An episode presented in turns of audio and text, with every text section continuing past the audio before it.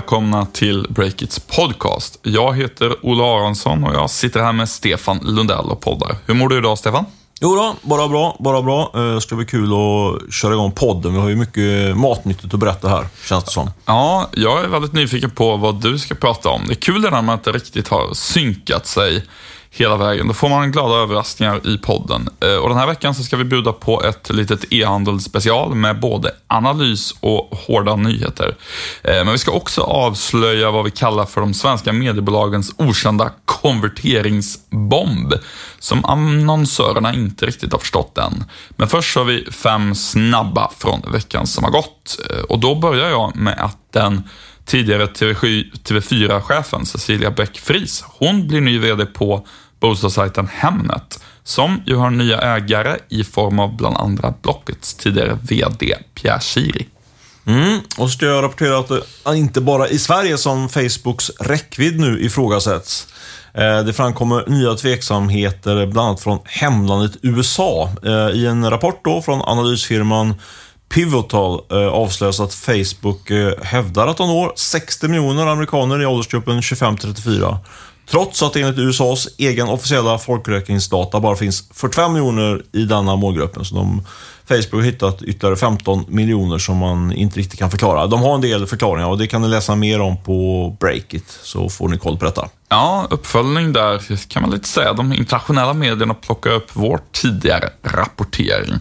Eh, och sen så har vi fått ett helt nytt riskkapitalbolag också eh, som investerar i svenska startups. Det heter Stockholm VC och bakom står bland andra entreprenören Daniel Laurén som vi på Breakit kände ganska bra. Och första investeringen, det blev i en startup som gör arabiska ljudböcker. Kul tycker jag. Mm. Bolaget bakom spelsuccén Angry Birds ska nu börsnoteras. Det är eh, Rovio heter det bolaget och de har ansökt om en börsnotering på Helsingforsbörsen. Spekuleras med ett sammanlagt börsvärde på över 15 miljarder kronor. Och så har regeringen bakat in en elfordonspremie eh, som får kosta totalt 350 miljoner kronor. Det finns med i budgeten, det är där de har bakat in den. Och eh, den här premien den är högst 10 000 kronor per fordon. Eh, och det kan vara ellastcyklar, elmopeder, elbilar och så vidare. Och de kan man få billigare med den här premien eftersom de är miljövänliga. Breakits podcast har en huvudsponsor som heter Rackfish. Bolaget för dig som vill ha en riktigt trygg och stabil hosting. Yes, eh, vi är ju själva kunder hos Rackfish numera, så Breakits sajt ligger hos dem.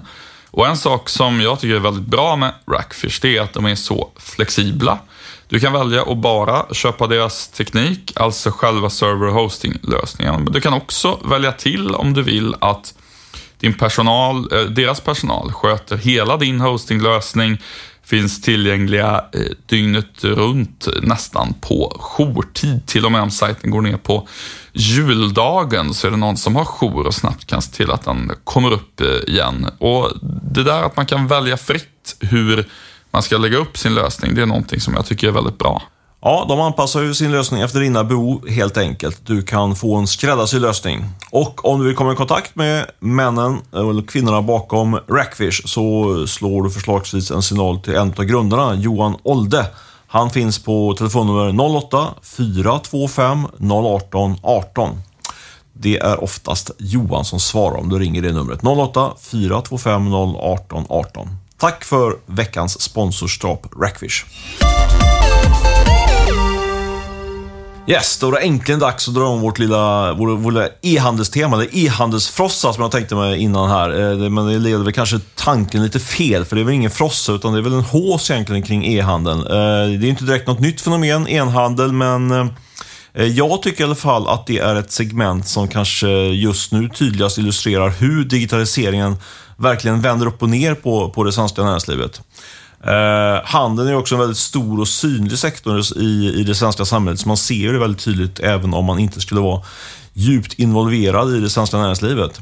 Eh, tydligaste exempel på det här är väl kanske den här, det som vi kallar för butiksdöden, eh, som nu breder ut sig faktiskt i olika stadskärnor runt om i, i Sverige. Det har vi ju sett i USA tidigare och det, det tycker jag att man kan se se även eh, i Sverige, medelstora svenska städer. Jag kommer från eh, västkusten, Ljungskile, och där är stan i, eh, i min värld var ju Uddevalla. En, en tätort med cirka 30 000 invånare. Och där har jag med egna ögon kunnat se att butik efter butik slår igen längs den, den forna paradgatan, Kungsgatan. Och det där bekräftas faktiskt också i en eh, färsk undersökning förra veckan som, eh, som pekade på att Uddevalla var en av de stora förlorarna, alltså Uddevalla centrum var en av de stora förlorarna i, i handelskriget eh, som råder eh, konstant kan man väl säga i, runt om i Sverige. En förklaring är såklart att det finns ett stort eh, köpcentrum utanför Uddevalla, men också såklart att eh, e-handeln nu liksom sätter sina klor mer och mer då, kring den traditionella handeln.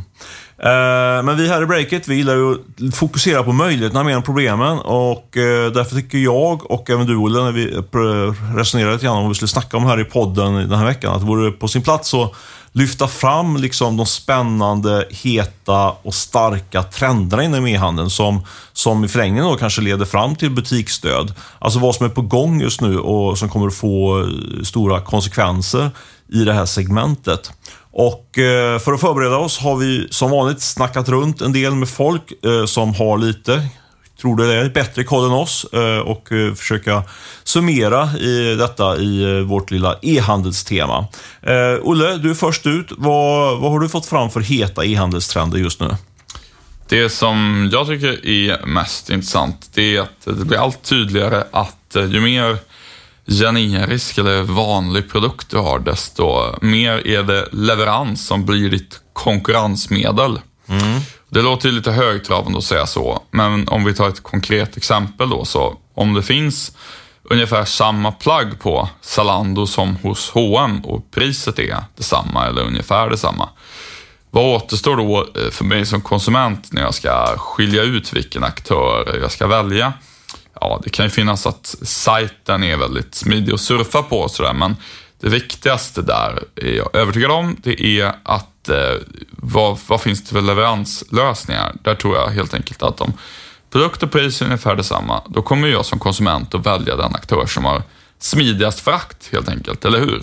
Ja, men absolut. Det där såg man, ser man ju från, eh, på fler och fler eh, aktörer, att det här med att man ska leverera först efter en dag. Nu är man nere på timmar eh, internationellt. H&M hade väl någon sån eh, utspel här nu förra veckan, eller hur? Ja, precis. Om vi börjar internationellt, så, eller i USA om man ska vara mer specifik, så är ju det någonting som ja, Amazons riktigt stora konkurrensmedel har ju egentligen handlat om att de har haft mycket mer generösa leveransvillkor mot slutkunderna än andra kan man säga.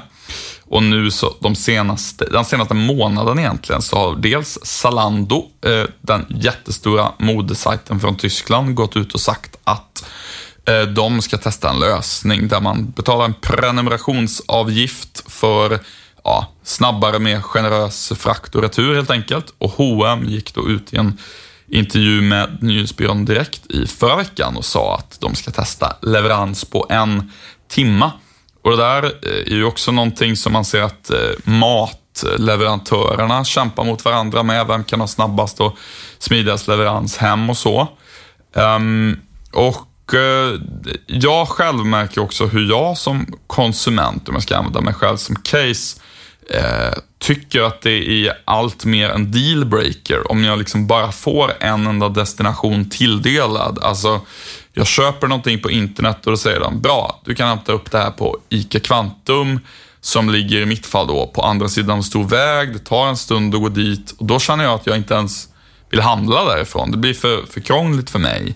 Medan till exempel då på Zalando sajt där det finns väldigt mycket alternativ, man kan välja väldigt fritt vart man ska få någonting eh, levererat till. Då gör det att jag så att säga väljer den i högre grad, för produkterna finns ju ofta på en massa olika sajter. Um, och eh, det där tror jag bara kommer att bli tydligare och tydligare ju, vad ska man säga, ju fler produktkategorier som, som tas in i, i e-handeln. Eh, vad säger du? Ja, men jag tycker jag, jag lite grann en, vad säger man så, eftertankens kranka blekhet. Alltså jag vet själv hur skeptisk jag var mot eh, Zalando i början när de kom. Just att de hade så oerhört höga returer som jag tyckte då. Men de har insett nu att det var, att det var ju liksom en del i hela affärs strukturen och affärsidén att man, att man ska kunna plocka hem ett antal kläder och sen så skickar man tillbaka stora delar av det. Det, det, det kostar en del pengar, men det, men det ligger så att säga i deras eh, eh upplägg att man ska kunna göra så. Samtidigt så reser det här en del frågor kan man tänka. Alltså Zalando har ju då miljarders miljarder att investera i det här och eh, kan då slå ut eh, mindre konkurrenter som inte har lika stora resurser. Vad, vad, vad tänker du kring det? Liksom alltså mindre e-handlare när det blir mer eller mindre standard att man ska få leverans kanske på en timme och att man ska kunna skicka tillbaka så mycket man vill. Vad, vad, vad, vad blir det för konsekvenser och hur ska de agera, de mindre e-handlarna? Jag skulle säga att Ehm, eh, det, dels så tror jag att det generellt sett, om man säljer ganska generiska produkter, kommer det nog överlag vara ganska svårt att vara... Ja, jag, jag har lite svårt att se hur man ska kunna vara en, en mat, eh, alltså mathemkonkurrent och vara, bara ha 50 miljoner i omsättning. Alltså så tror jag inte det kommer vara överhuvudtaget. De som satsar på då får man nog sälja väldigt specifik mat, alltså ha väldigt specifika produkter. Så det är väl dels det, men om man pratar om själva leveranslösningen så det är väl klart att det krävs ju någon gemensam teknik där. Zalando bygger massa egen teknik. Det kan man inte göra om man bara är en liten e-handlare och då är det väl gemensamma lösningar, typ Chipwallet då. Startupbolaget som är en widget man klistrar in på sin sajt och som då innehåller alla möjliga olika fraktalternativ. Det är väl precis som att e-handlarna inte allihop byggde egna betallösningar och stöd för alla betalsätt, utan de har Klarna Checkout, de här små e-handlarna. Eh, eller dess konkurrenter då, där alla betalsätt finns. Och det blir väl likadant för, för frakt då. Sen um, själva problemet med hur, hur vad ska man säga, vad ska man ta betalt för returer och frakt och allt sånt där också. Det, det går inte riktigt att komma åt det. Om man inte har tillräcklig skala eller väldigt mycket riskkapital och sådär, då måste man ju ta betalt av slutkunden där. Det går ju liksom inte riktigt annars. Mm. Eh, men sen, sen, skulle jag personligen också hoppas för både konsumenterna och för mindre e-handlares skull att eh, det vore ju fantastiskt om det kom någon och konkurrera ut UPS och alla de här helt usla fraktbolagen. Det är ju så otroligt dålig service där idag med, med att de kommer och...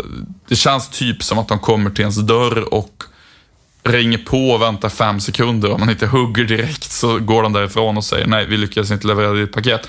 Om jag hade en miljard, då skulle jag starta en, ett konkurrerande fraktbolag och försöka ge mig på dem där för, ehm, för alla människors glädje. Låter som en eh, altruistisk och bra tanke. Det kanske krävs mer än en miljard också dessvärre. Men du har kanske en miljard dollar, då kanske vi klarar det. Eh, du, eh, när vi ändå är inne på, innan vi går vidare här, vårt lilla e-handelstema, så måste jag ju, innan jag glömmer bort det, göra såklart lite reklam för vårt eget event på detta tema. Vi kör ju en, en, ett retail tech. Vi har ju medvetet valt att inte kalla det för ett e-handelsevent. För det, känns, det känns nästan lite för litet att prata om bara e-handel. Det håller på att växa. I, så alla, alla inom, inom handeln berörs av det här. Det är lite som mediebranschen. Det är att prata om digitala medier. Alltså alla har ju en sajt idag. Ja, men exakt. Eh, och det håller ju då på att slå igenom på bred front även inom handeln som sagt. Eh, och vi kör ett väldigt bra event eh, som jag är väldigt stolt över. Tunga talare och väldigt många som redan nu har anmält sig. Vi kommer att köra det här eventet eller konferensen i spårvagnshallarna i centrala Stockholm 24 oktober. Och det här är såklart ett event som du inte får missa om du är i målgruppen. Eh, och det är ju nästan alla tror jag som lyssnar på den här podden, inte riktigt kanske. Men för att du som lyssnar som känner att det här är något som du borde vara med på eh, och verkligen ska få tummen ur och använda dig här och nu så säger jag så här att jag bjuder på 1000 spänn. Det räcker att du pröjsar 4450 riksdaler för att kunna vara med på den heldagen och kunna mingla med, med alla heta e-handels profiler eh, och lyssna på dem såklart också. Eh, och Det här erbjudandet gäller fram till och med den 13 september. Så hör av dig till mig direkt på stefan.breakit.se så ska jag se till att ni får en rabatt på 1000 spänn eh, till detta eminenta eh, event. Eh, jag kommer inte rabbla mer om detta nu, utan gå in eh, på vår sajt och läs mer om du känner att det här kan vara något som är för mig.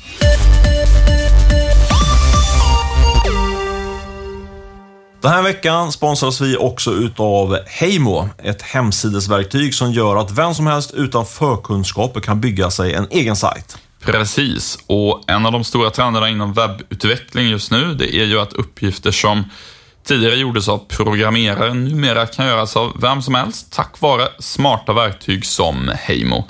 Det går att göra riktigt snygga saker på bara några minuter, vilket faktiskt är helt fantastiskt för oss som inte kan koda själva. Ja, och det gör att du som företagare kan spara en herrans massa pengar eftersom webbutveckling på konsultbasis är som bekant rätt dyrt. Inte minst nu när konjunkturen går på högvarv här i Sverige. På det här sättet blir det också möjligt att bygga sajter som annars inte hade blivit av överhuvudtaget. Mm, och att prova på tjänsten är helt gratis med Heimos abonnemang Drömma. Det kommer du ganska långt med bara det och om du sen vill ta sajten till nästa nivå så kan du uppgradera till abonnemanget Starta för att till exempel få ett eget domännamn och ta sajten vidare. Eh, och Då kan du som Breakit-lyssnare också få en extra rabatt. Surfa in på heimo.se och signa upp dig på ett årsabonnemang så får du 30% rabatt om du anger rabattkoden BREAKIT med små bokstäver. BREAKIT med små bokstäver alltså, i kassan.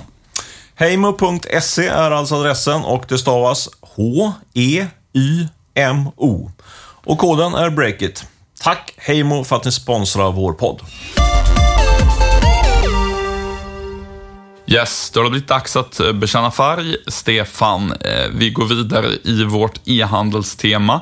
Eh, du har ju pumpat eh, en av Europas framgångsrikaste investerare inom e-handel eh, på temat, Eh, ja, vad ska man säga, vad är mest intressant att investera i just nu kan man säga. Låt höra vad du fått fram. Ja, eh, hen hade som vanligt mycket intressanta åsikter i det här ämnet och eh, vi pratar faktiskt en del om, eh, om eh, byggvaror. Eh, det finns ett riktigt spännande franskt bolag som illustrerar den här trenden. De heter Mano Mano. Eh, har nyligen stängt en jättestor runda, eh, en finansieringsrunda som jag tror faktiskt inte är publik än, men den kanske vi kan gräva fram här förleden. Tanken med, med mer intressant än, än själva finansieringsbiten är hur Mano Mano har byggt bolaget helt enkelt. Det är fokus då på på gör det själv-produkter och man skulle kunna säga att det är ett slags Zalando eh, för eh, för det här segmentet. Och Det som är intressant med eh, Mano Mano är att de har i princip inget eget lager. Så man kombinerar, kan man säga, eh, marknadsplatsens fördelar med e-handel. På vilket sätt blir det ett Zalando för do it yourself? Bra fråga eh, där. Eh, det är bra att du är på hugget, Olle. Eh, man kan säga att eh, likheten är väl egentligen att, att eh, Zalando har ju inte eh, satsat på att bygga upp några egna varumärken i en större omfattning, utan de, de man kan ju säga att de distribuerar ut eh, andras eh, tjänster och är någon form av marknadsplats för kläder. Och det segmentet vill ju då Mano Mano ta på den europeiska marknaden för do it yourself-produkter. Just det, så att man kan säga att eh, Eh, precis som att Zalando nu satsar på att bli en marknadsföringsplattform där andra kan sälja sina grejer och så tar de en cut på det, lite som Amazon har gjort i USA, så vill eh, Mano Mano bli det för byggvaror. De vill kanske inte bara ha lager själva och sådär, utan de vill vara den digitala plattformen som kunden möter och sen någonstans bakom där ligger själva produkterna hos någon annan aktör. Mm, precis, och sen tror jag också parallellen med Zalando eh, syftar väl på, syftar väl den, den här tunga investeraren framförallt också på, på potentialen, marknadspotentialen. Eh, Zalando agerar ju i klädsegmentet och det har ju blivit ganska stort inom e-handel medan det här eh, gör det själv-segmentet ligger på kanske bara någon enstaka, eller möjligtvis 2-3 procent utav eh, totalmarknaden. Så det finns en stor potential där om man, om man lyckas eh, äta sig in och bygga den här marknaden eh, på europeisk basis. Ja, men det, det, tror jag bara själv. Jag håller på att fundera på att platsbygga en, en skohylla hemma. Och eh, det finns ju liksom inga sajter med ett attraktivt pris där man bara kan gå in och beställa precis det här vill jag ha. Det finns en del lite dyrare nischade tjänster som gör det där, men man vill ju ha att man bara kan gå in och säga jag vill, jag vill beställa hem precis det här virket med precis de här måtten för jag ska platsbygga exakt det. Ja, det, det, det, det där måste gå att göra bättre. Eh, och man ser att eh, någon som håller på lite grann lösa det där problemet kanske på den svenska nordiska marknaden eh, enligt den här personen jag med. Det är Bygg Hemma som ligger långt framme där. De, det är intressant där utifrån till mer, liksom, så här, om man kan kalla det eh, handelshögskoleperspektiv är ju att eh, Bygghemma går ju längre och längre bak i den så kallade värdekedjan. Eh, först har man samlat butiker och sen går man på leverantörer och till sist så i slutändan då så handlar det om att man bygger egna varumärken eh, i, i det här segmentet, vilket innebär att marginalerna blir, blir bättre. Det känns bara så, det, det, det är verkligen att man kokar grodan långsamt där. Det är ju precis så som man ser Amazon lansera egna blöjor och så vidare. Att först så bjuder man in andra till att, så man, man driver massa försäljning åt andra aktörer och sen så över tid så lanserar man egna varumärken som konkurrerar med de här aktörerna och sen svälter man liksom ut dem. Det finns något lite nästan tråkigt också på ett sätt med den modellen, även om jag förstår varför man vill satsa på den som investerare. Sådan är kapitalismen brukar man säga. Ja, men lite så. Du, det, det är väl inte rent generellt inom e-handeln, om vi nu ska prata vad, vad som är hett just nu. Det är helt enkelt att man ska göra, man ska jobba helt mer med egna varumärken eh, i allt högre grad. Ja, precis. Och det är väl någonting som man har sett länge även inom den traditionella eh, handeln då såklart med, med, vad heter det, private labels heter det väl? Mm. Eh, så det, men det är väl någonting som man ser mer och mer och det är ju verkligen lövtunna marginaler i e-handeln. Eh, vilket gör att man eh, strävar åt att bygga upp egna varumärken. För det är ju där som det finns lite bättre marginaler. Då. Eh, och det, om man tittar då på ytterligare en spelare som har varit väldigt framgångsrik och som man kan se, som man kanske kan dra ut eh, trender för, för hela marknaden, så är ju det Naked då, som vi pratat en hel del här i podden och skrivit mycket om på sajten också. Eh, de har ju med stor framgång eh, byggt eh, egna varumärken. Eh, vilket gör att de växer väldigt fort. Men eh, minst lika viktigt då, som är liksom en, ytterligare en trend då i det här trendspanandet då, det är att man eh, från Nakeds sida, och det, det, finns ju andra aktörer också, har jobbat väldigt, väldigt fokuserat och smart med så kallade influencers, alltså man säger, stjärnor i sociala medier som har många följare. Och det tricket där är väl helt enkelt att man har eh, byggt en, en maskin då för att kapitalisera på, på den extremt stora trafiken som många influencers har, men som de har svårt att helt enkelt tjäna pengar på. Alltså, det finns ju influencers som är mycket större än, än eh, stora medier idag, men ändå har de ganska blygsam omsättning. Men det som eh, Naked och eh, vissa andra aktörer som ligger långt fram på det här området, de är väldigt duktiga på att identifiera rätt influencers och det behöver inte innebära att de har extremt många följare, de här influencers, utan det är, det är liksom influencers som har en, en förmåga att konvertera Eh, sina många följare till köpare helt enkelt utav, utav i det här fallet då kläder. Eh, och det har eh, Naked i, så att säga, tillhandahåller en sån här eh, vad ska man säga, eh, lösning till riktigt duktiga influencers som bara kan koppla på det eh, och sen så eh, delar man intäkterna. Inte 50-50 dessvärre för, för influencerna då, men man får ändå en rejäl katt på, på intäkterna. Just det, och Eh, det där låter ju som att eh, det verkligen inte är alla så här, storbolag och så som har, har, fattat den där grejen. Det känns lite som att det, det finns en, en grupp riktigt duktiga e-handlare som är bra på att jobba med influencers som har knäckt den här koden, fått väldigt snabb omsättningsökning tack vare det. Men det känns ju inte som att, eh, ja, vad ska man säga, stora handlare i Sverige, Stadium eller vilka det nu är, har, har fattat den där grejen. Och själv först när man hörde talas om den modellen så var man ju eh, lite grann, herregud, hur kan omsättningen öka så här snabbt? Man förstod inte riktigt själv, eller hur? Nej, grejen är väl att man har ju, eller i alla fall jag, jag har ju, med risk för att vara upprepande lite i den här podden, men jag är väldigt fascinerad av det här, det här fenomenet. Och jag har ju inte fattat det än riktigt. Jag har ju fattat på, på någon form av makronivå, men jag skulle väldigt, väldigt gärna vilja komma in i Nakeds inre liv till exempel, eller Daniel Wellington, klocktillverkaren, och, och eh, i realtid kunna se hur man verkligen jobbar med influenserna. För det är ju det som är lite, lite grann den, den svarta eh, boxen. Liksom. Man vet ju inte, man vet på, på en övergripande nivå hur de jobbar, men man vet inte hur det går till i praktiken. Eh, men nu, nu försöker de stora spelarna komma ikapp här. Eh, man ser ju Eh, till exempel eh, H&M som har varit väldigt sega hakat på den här trenden. De har ju, skulle du snart få säga Olle, en rätt spännande nyhet. Men, men jag vill ändå också nämna innan jag glömmer bort det att eh, det är verkligen, eh, hur ska man säga, det, det är verkligen, man, eh, Naked drar det här verkligen eh, långt. Det är inte bara så att man ger någon liten kickback till eh, potentiella influencers, utan de som, de som verkligen lyfter och har, har fart på, på konverteringen till köp, där bildar de faktiskt, jag har kollat upp det här på Bolagsverket, där bildar de faktiskt de facto aktiebolag tillsammans med de här influencerna. Så det blir det är liksom formaliserat på det sättet och eh, det där öppnar ju eh, oanade möjligheter för riktigt framgångsrika influencers. Vi har ju sett Isabella Löwengrip där som har som har eh, hittat sin, sitt sätt att, att kapitalisera på, på sin trafik genom att hon investerar i, i startups och så ger hon, ger hon trafik till dem kan man säga.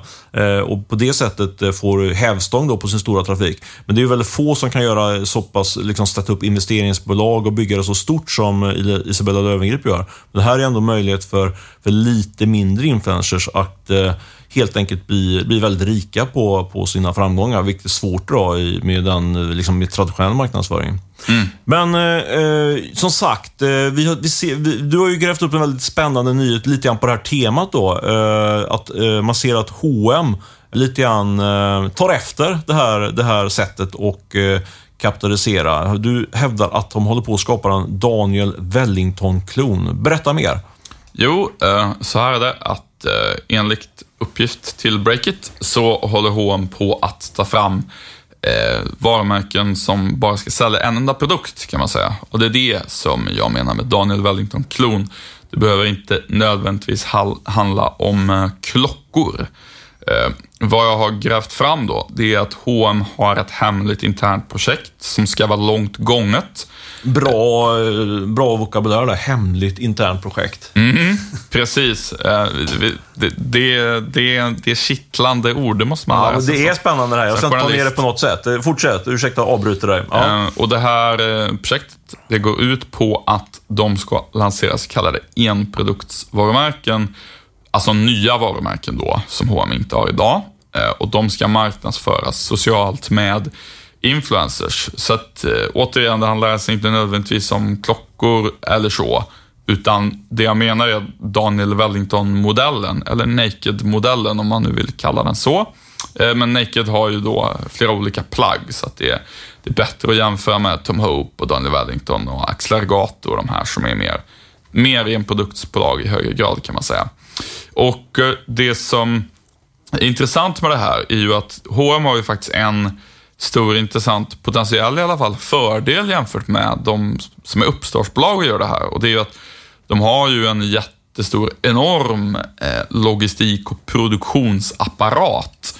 Eh, och det eh, krävs ju inte jättemycket fantasi för att se att man kan ta den befintliga produktionsapparaten som redan producerar kjolar eller kapsar eller vad det nu är och så kan man ta liksom, produkterna därifrån och suga ut dem till olika inproduktsvarumärken som kan marknadsföras eh, i sociala medier med influencers. Och det är ju väldigt intressant att se vad, på pappret sådär, när man slipper tänka på internpolitik och allt sånt där som kan vara jobbigt i större bolag, så, så låter det som att det kan bli otroligt effektivt och, och potentiellt väldigt lönsamt eh, också. V vad säger du? Ja, men absolut. Jag tror eh, det har varit mycket fokus på H&M i, i alla fall i, i affärspress eller på akademisajter de sista sista året egentligen. Eh, och de har ju gått knackigt på börsen. Men eh, det är jag inte först med att säga, men man ska ju verkligen inte räkna ut H&M. Alltså de har ju en oerhörd kompetens inhouse och nu kör man ju all in på att komma, komma ikapp här, vilket eh, Carl-Johan Persson också flaggade för i den här direktintervjun som jag tycker ni ska gå in och läsa på på Break, de har inte redan gjort den. Eh, vi har eh, paketerat om den kan jag säga, satt in den i ett sammanhang. Eh, så jag tror att om man vill ha en bra uppdatering på vad, vad H&M står i det här digitala racet så får man en bra, bra sådan där. Ja, verkligen. Och, det, och man, ur den intervjun som alltså då är med Nyhetsbyrån Direkt, men som vi har också Förädlat, måste man säga. Förädlat, precis. Och gett dem bra cred också. Där säger ju H&M's vd Carl-Johan Persson att Eh, det blir fler nya varumärken redan nästa år. Så att eh, mm, mina uppgifter eh, bekräftas ju inte alls helt på något vis, men de ligger ju i linje med att han säger så, den, den strategin. Då, så att, eh, jag känner mig ganska trygg med att det där stämmer. Sen kan de alltid få för sig att lägga ner projekt och så här i sista stund på storbolag. Det är bara bra, då skriver en ny artikel om det, så det, det funkar. Eh, du, eh, bra, skönt att få en riktigt hård nyhet. Eh, lite spekulativ dock, eh, såklart, som det ska vara i gammal god breakit-anda. Men en, en hård nyhet som vi, som vi avslutar det här e-handelstemat med. Eh, vi lär ju återkomma hela tiden kring detta, men eh, från denna, just denna gången så sätter vi punkt.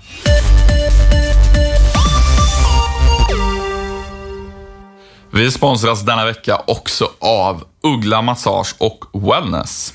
Så är det. Och Uggla Massage och Wellness är ju inte bara sponsor av den här podd, utan de är också massörer av våra späda kroppar, eller hur Olle?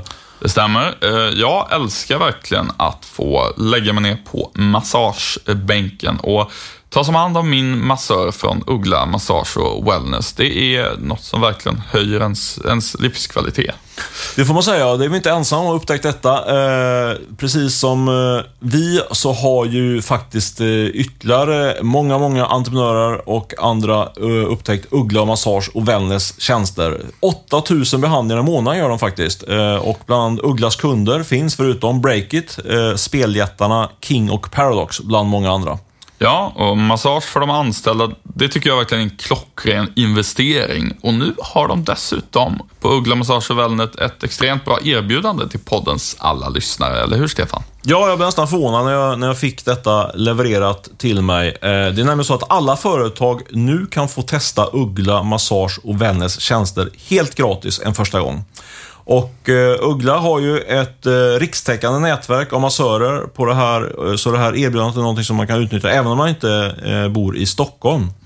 Eh, hör av er direkt till Uggla Massage och Wellness grundare Lisa Uggla. Så My, hon mycket alla- trevlig person som jag träffade i, i måndags när jag fick massage. Ja, hon är fantastisk Lisa, måste jag säga. Eh, Det tycker att ni ska... Men om ni tycker, vill utnyttja det här erbjudandet så ska ni då alltså kontakta Lisa och det gör ni enklast via mejlen lisa ugglamassage.se. Alltså lisa at ugglamassage.se.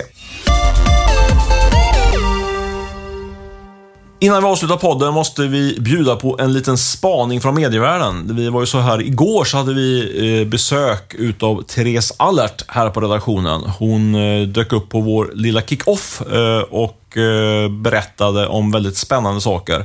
Therese Allert är chefredaktör på Frida, som ju var en traditionell tjejtidning, men den har nu Therese och hennes team stöpt om till faktiskt en riktig snabbväxare i mediebranschen och man agerar på en massa olika plattformar. Man har ju fortfarande kvar tidningen, men man är stor på många andra eh, ställen här i världen också. Eh, och Det hon avslöjade eh, var att hon hade sprungit på en liten guldgruva faktiskt på Snapchat. Eh, Olle, du var ju också med på, det här, på den här dragningen. Kan inte du berätta vad det, vad det rör sig om? Ja, eh, till att börja med så det är inte direkt eh, förvånande att Snapchat är stort bland Fridas målgrupp som är mycket 14-15-åriga tjejer och så.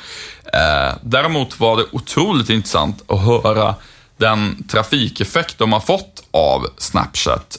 Man har ju, jag i alla fall, har ju bilden av den plattformen väldigt tydligt som att den är ganska låst och det som händer där sker inne på Snapchat så att säga. Det är, um, det är ju inte så att man associerar det som en plattform som Facebook som man kan länka, eh, som man kan använda för att driva trafik så att säga. Men det har Frida lyckats med extremt bra. Eh, Therese Allert berättar att så fort Frida eh, lägger upp grejer på Snapchat så får de direkt en jätteboost på trafiken. Alltså direkt när de publicerar någonting. Eh, Det är ju så att Snapchat har ju eh, nu implementerat en möjlighet att lägga till länkar till, eh, till din sajt helt enkelt. Eh, Det var väldigt intressant att höra hur eh, den plattformen fungerar om man jämför med Google där saker lever i all evighet till exempel. Och du får mycket trafik till flera år gamla artiklar och så. Så på Snapchat så får man direkt en jätteboost och sen dör allt efter en halvtimme ungefär. Och det här är i vart fall första gången som eh, jag hör någon publicist berätta att Snapchat kan vara en så stark trafikdrivare till någon annanstans. Och det är jag övertygad om att vare sig publicister eller annonsörer har eh, uppmärksammat tillräckligt mycket. Eh, och Therese Allert sa också att det fortfarande är många annonsörer som inte har förstått hur bra effekt konvertering det där egentligen eh, kan ge.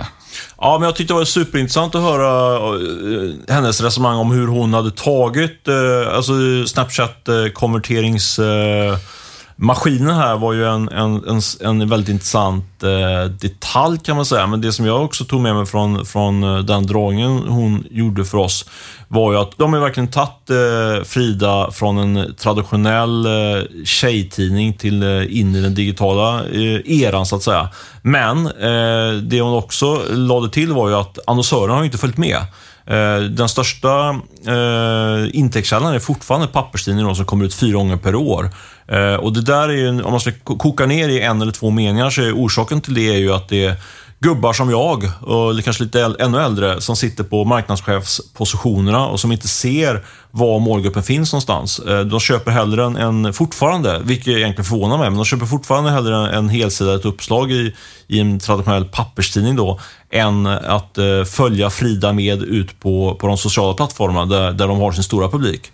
Eh, särskilt då i den målgruppen 12 18 år. Det är, det är ju känt faktum att Snapchat är, liksom, det, det är där kidsen hänger numera. Ja, verkligen. Och det är ju förstås en del annonsörer som har förstått det här. Men vad är det du brukar ah. säga? Att de, de är generellt sett tre år efter?